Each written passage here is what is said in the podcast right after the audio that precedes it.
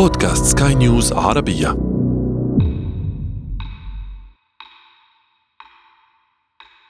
في الأسبوع الأخير من شهر يناير 2024 اجتمع أعضاء هيئة تعرف بمجلس العلوم والأمن. برئاسة سيدة تدعى الدكتورة ريتشل برنسون خلال الاجتماع بحث أعضاء اللجنة تطورات الوضع. راجعوا أبحاثا تم إجراؤها خلال عام كامل. وبعد مناقشات معمقة اتخذوا قرارهم حول وضع عقارب الساعة بالنسبة لما يعرف بلحظة هارمجدون. Today, we once again set the doomsday clock. It is 90 seconds to midnight. أهلا بكم. أنا عمرو جميل وهذا بودكاست بداية الحكاية. بداية الحكاية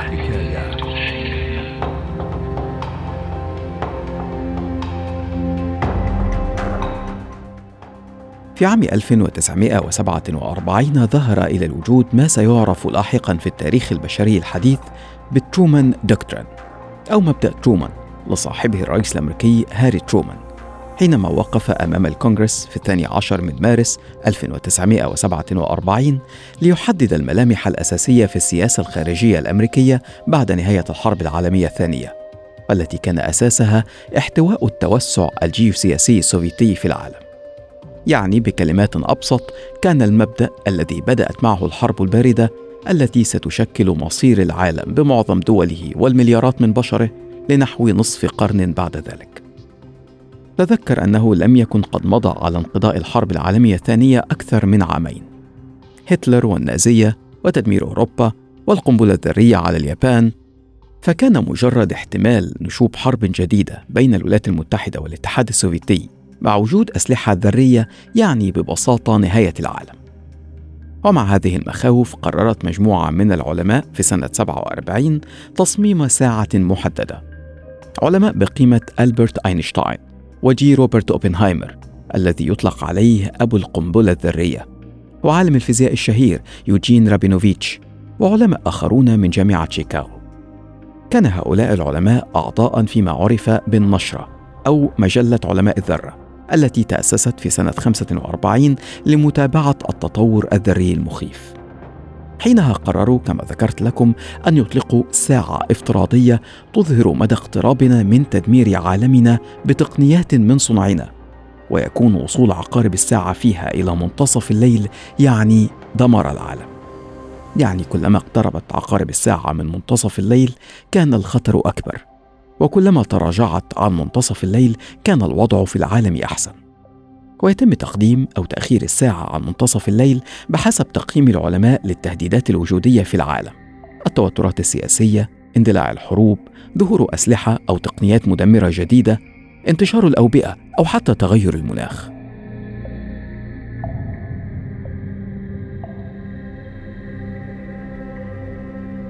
فكرة الساعة كساعة كانت من وحي خيال فنانة تدعى مارشل لانكسدورف كلفت بتصميم غلاف مجلة The Bulletin أو النشرة التي كان يطلقها علماء الفيزياء والذرة الذين حدثتكم عنهم ومارشل نفسها كانت زوجة لعالم الفيزياء ألكسندر لانكسدورف الذي شارك في مشروع منهاتن الأمريكي الخاص بتطوير سلاح ذري. ولذلك قررت أن تضع تصميما في شكل ساعة لتنبيه البشر أنه ليس أمامهم الكثير من الوقت قبل نهاية العالم. من هنا جاءت فكرة الساعة التي تؤشر عقاربها إلى لحظة هارمجدون الموجودة عند منتصف الليل تماما بتوقيت ساعة يوم القيامة. اللافت أن مارشل لما صممت ساعة يوم القيامة في وسط كل التوتر بين الولايات المتحدة والاتحاد السوفيتي وضعت الساعة عند سبع دقائق قبل منتصف الليل. وفي سنة 1949 تحركت عقارب الساعة لأول مرة بعد أن أجرى الاتحاد السوفيتي تجربته النووية الأولى لتصبح ثلاث دقائق فقط قبل منتصف الليل. وهكذا ظلت عقارب الساعة تتحرك باتجاه منتصف الليل أو تتأخر عنه بحسب التوترات في العالم. يعني مثلا في سنة 1952 لما أجرت الولايات المتحدة أولى تجاربها على القنبلة الهيدروجينية كانت عقارب الساعة تقف عند دقيقتين قبل منتصف الليل. وكان أفضل توقيت سجلته الساعة في سنة 1991 مع نهاية الحرب الباردة وانهيار الاتحاد السوفيتي وكانت على بعد 17 دقيقة من منتصف الليل. وفي كل عام في الأسبوع الأخير من شهر يناير تجتمع لجنة العلماء لتضع تقييماتها لساعة يوم القيامة. وفي يناير 2024 قرر أعضاء اللجنة وضع عقارب الساعة قبل دقيقة ونصف فقط من منتصف الليل. تسعون ثانية فقط من لحظة هارمجدون وطبعا سيكون السؤال المنطقي الآن هو لماذا؟ ما الذي استند إليه العلماء ليضعوا عقارب الساعة عند هذا التوقيت الحرج. في الواقع هو ليس تهديدا واحدا بل تهديدات عدة. أولها التهديد النووي كما يقول البروفيسور ألكسندر جلازر وهو أستاذ في قسم الهندسة الميكانيكية وهندسة الفضاء الجوي. Traditional nuclear arms control really has come to uh, um, an end for now. لقد وصلت السيطرة على الأسلحة النووية التقليدية إلى نهايتها بالفعل الآن مع قرار روسيا بتعليق العمل بمعاهدة New START وسحب تصديقها على معاهدة الحظر الشامل للتجارب النووية التي لم تصدق عليها الولايات المتحدة أبدا. وربما الأهم من ذلك أن العديد من الدول الحائزة للأسلحة النووية حاليا تطلق برامج لتحديث وتوسيع الأسلحة النووية وذلك لأول مرة منذ نهاية الحرب الباردة وتوفير البنية التحتية التي يمكن أن تستمر حتى عام 2100 وتعمل الصين على زيادة ترسانتها النووية التي تبلغ الآن 500 سلاح نووي ولأول مرة على الأقل في حياتي البالغة. فهناك حديث في واشنطن أن الترسانة النووية الأمريكية يجب أن تزيد لتوازن الترسانة النووية لروسيا والصين معا. لذلك فإننا نجهز أنفسنا من نواح عديدة لسباق تسلح غير مسبوق ومثير للقلق للغاية. الغاية لذا فإن الصورة سيئة للغاية على الجانب النووي هذا العام.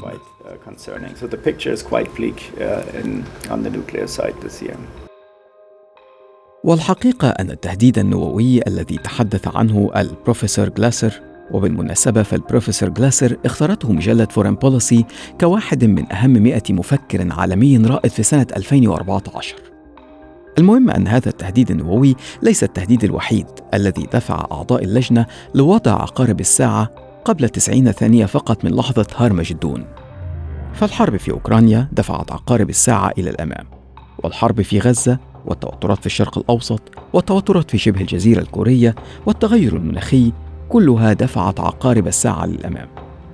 بالإضافة لعامل آخر الذكاء الاصطناعي. نعم.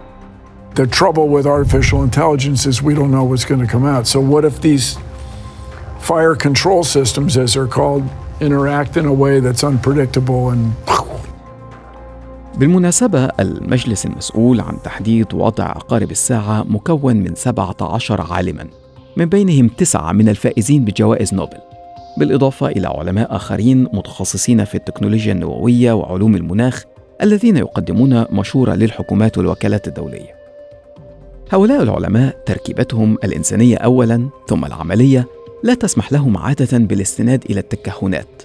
الأمور بالنسبة لهم تجري دوما داخل المعمل أو بناء على تجربة وحسابات تفضي إلى نتيجة. فلما يقول عالم منهم بخ! فالمسألة ليست مجرد مبالغة أو رغبة في الإثارة أو مجرد ترند بل مسألة حسابات للوصول إلى توقع مناسب لوضع عقارب الساعة. وهذا بالضبط هو المنشور على الموقع الرسمي للساعة. تقول نصا إن ساعة يوم القيامة ليست أداة للتنبؤ ونحن أي العلماء لا نتنبأ بالمستقبل بل ندرس الأحداث التي وقعت بالفعل والاتجاهات القائمة. نتابع الأرقام والإحصاءات ونبحث على سبيل المثال في عدد وأنواع الأسلحة النووية في العالم وأجزاء ثاني أكسيد الكربون في الغلاف الجوي ودرجة الحموضة في المحيطات. النشرة تشبه الطبيب الذي يقوم بالتشخيص بالنظر إلى بيانات الاختبارات المعملية والأشعة وعندها يصل إلى حكم يلخص ما يمكن أن يحدث إذا لم يتحرك أحد لمعالجة الوضع عندها قد تصل العقارب إلى منتصف الليل في ساعة يوم القيامة